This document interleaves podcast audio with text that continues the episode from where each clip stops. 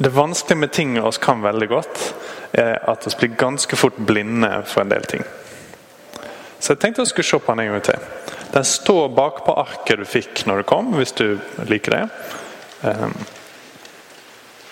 så kan jeg egentlig ha den på skjermen også, kanskje. For så elsker Gud verden, at han ga sønnen sin den enbårne, så hver den som tror på han, ikke skal gå fortapt, men ha evig liv. Den første delen der For så elsker Gud verden.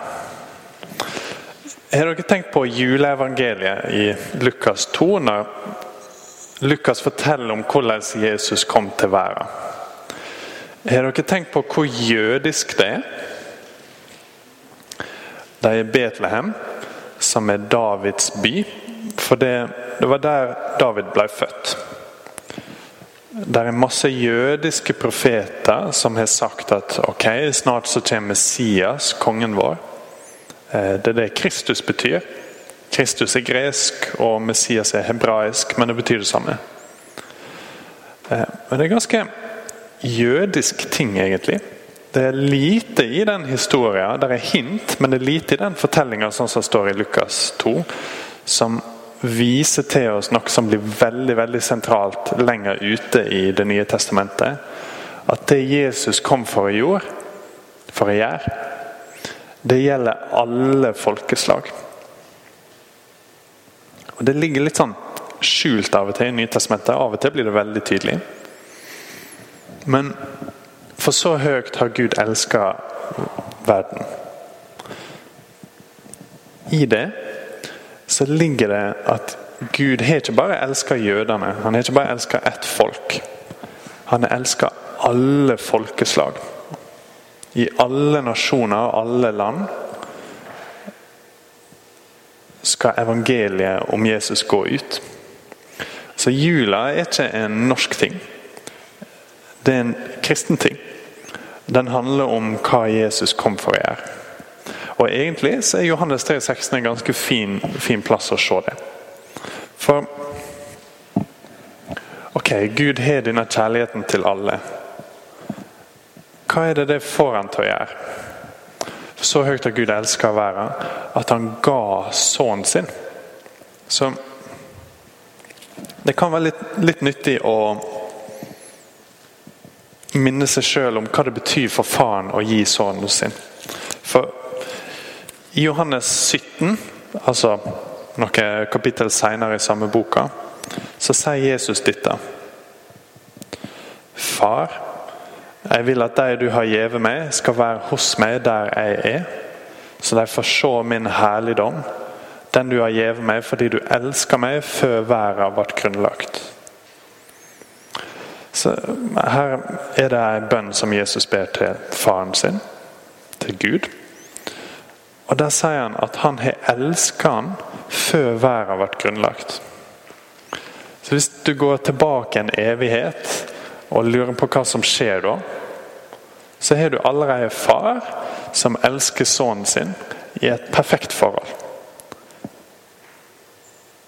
Og Plutselig nå så elsker Gud verden så høyt at han gir fra seg sønnen sin.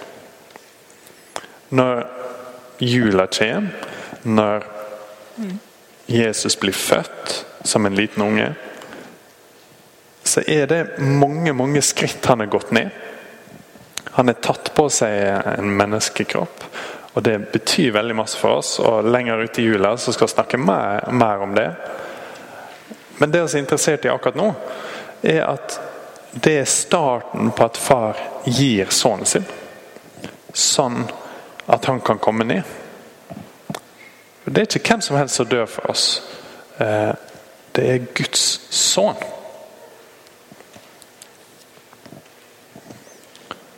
Og dette er, dette er veldig, veldig viktig. For Se på den neste linja. Eh, det er litt forvirrende med bokmål, men for at hver den som tror på Han Kanskje det er et par viktige ord å legge merke til der. Annet hver den som tror på ham. Også her så ligger det et hint av likhet på tvers av nasjonaliteter.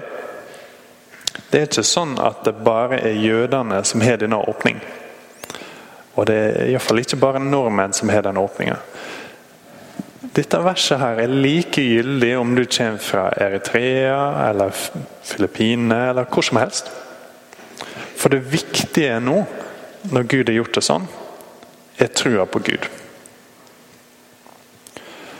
Og Det går an å tenke, særlig hvis du har vokst opp i Norge og du ser norske nyheter, sånn, så går det an å tenke uff, det er litt ekskluderende.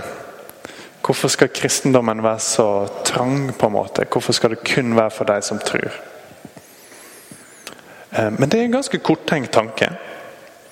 For et alternativ i Norge er en pluralistisk tankegang. Så Noen kommer inn og så sier de at det er så enkelt med religioner. Alle religioner er like. Det er sånn som kulturer. Noen tenker sånn, og noen tenker sånn. Så det viktige er bare å se at alle har ca. rett, og at ingen kan si at deres sannhet er større enn den andre. Har dere hørt, hørt den i korte, korte trekk? Det er egentlig masse mer ekskluderende enn Johannes 3, 16. For det ligger en antagelse der som er ganske stor. Antagelsen er at for å kunne tenke sånn, så må vi være de som forstår all religiøs virkelighet. Hvis du skal kunne si at eh, den jødiske trua, den muslimske trua, den kristne trua og den hinduistiske trua er den samme, så må du forstå alle disse religionene bedre enn de som tror på deg sjøl. Og vite noe som går på tvers av hva muslimene tror, og på tvers av hva den kristne bibelen underviser. Er faktisk veldig ekskluderende. Det krever et stort sprang av tru. Og Kristendommen også krever at vi tror på noe, men den har noe annet vi skal tro på. Den tilbyr oss en person. For hva er den som tror på Han? Så det viktige i kristendommen er den tilliten og den lengselen og det behovet å se etter Jesus. Og Det er mulig å ha uavhengig av hvor du kommer fra. Uavhengig av hva du tjener. Eller uavhengig av hva fysisk tilstand du er i. Du kan være fysisk utviklingshemma f.eks. For eksempel, og fortsatt ha denne behovet, denne dype lengselen etter Jesus. Har jeg tro på han? Og Det er det som er det sentrale i kristendommen. At trua på at Jesus kan frelse oss. At vi kan komme til ham med vår synd og vår behov for nærhet til Gud. Og så kan han gi det til oss. Så det er det som ligger den siste delen der. Som ikke skal gå fortapt, eh, men ha evig liv. En gang til. Johannes kapittel 17 er ganske nyttig egentlig til å forstå Johannes 3, 16. Og I Johannes 17 vers 3 så sier Jesus dette. Og dette er det evige livet. At de kjenner deg, den eneste sanne Gud, og Han du sendte, Jesus Kristus. Så det evige livet er evig. Eh, det er med Gud, og det er en tilstand som er fysisk, og som vil kunne ta og føle på ting og sånn. Men det mest sentrale der er at det er et evig liv i en relasjon med Jesus. Vi skal ikke gå fortapt hvis vi har trua på Jesus. Vi skal få et evig liv med han. Og skal få nyte han i en evig lykke og et evig fellesskap. Og Det spennende da er å tenke tilbake på ok, hvordan var det far ga sønnen sin. De som har hatt et perfekt forhold i all evighet. Når Jesus nå inviterer oss inn i et forhold med han, så drar han oss inn i det fellesskapet. Far og sønn har hatt et perfekt forhold i all evighet allerede. Og de kommer til å ha det i all evighet framover. Forskjellen nå er at han drar oss inn i det samme fellesskapet. Og Der har vi en enhet som er utrolig sterk. Den enheten har vist seg tidligere i historien å kunne tåle alle mulige nasjonale og kulturelle forskjeller. Det må den fortsette å gjøre. Og det må den kunne gjøre i Sykkylven også. Så nå i jula, tenk på dette. Johannes 3, 16. Gud elsker oss så høyt, og det oss er kanskje litt større enn oss tenker, at han ga sønnen sin. Sånn at hvis vi tror på ham, så får oss han i all evighet i lag med faren hans. Amen.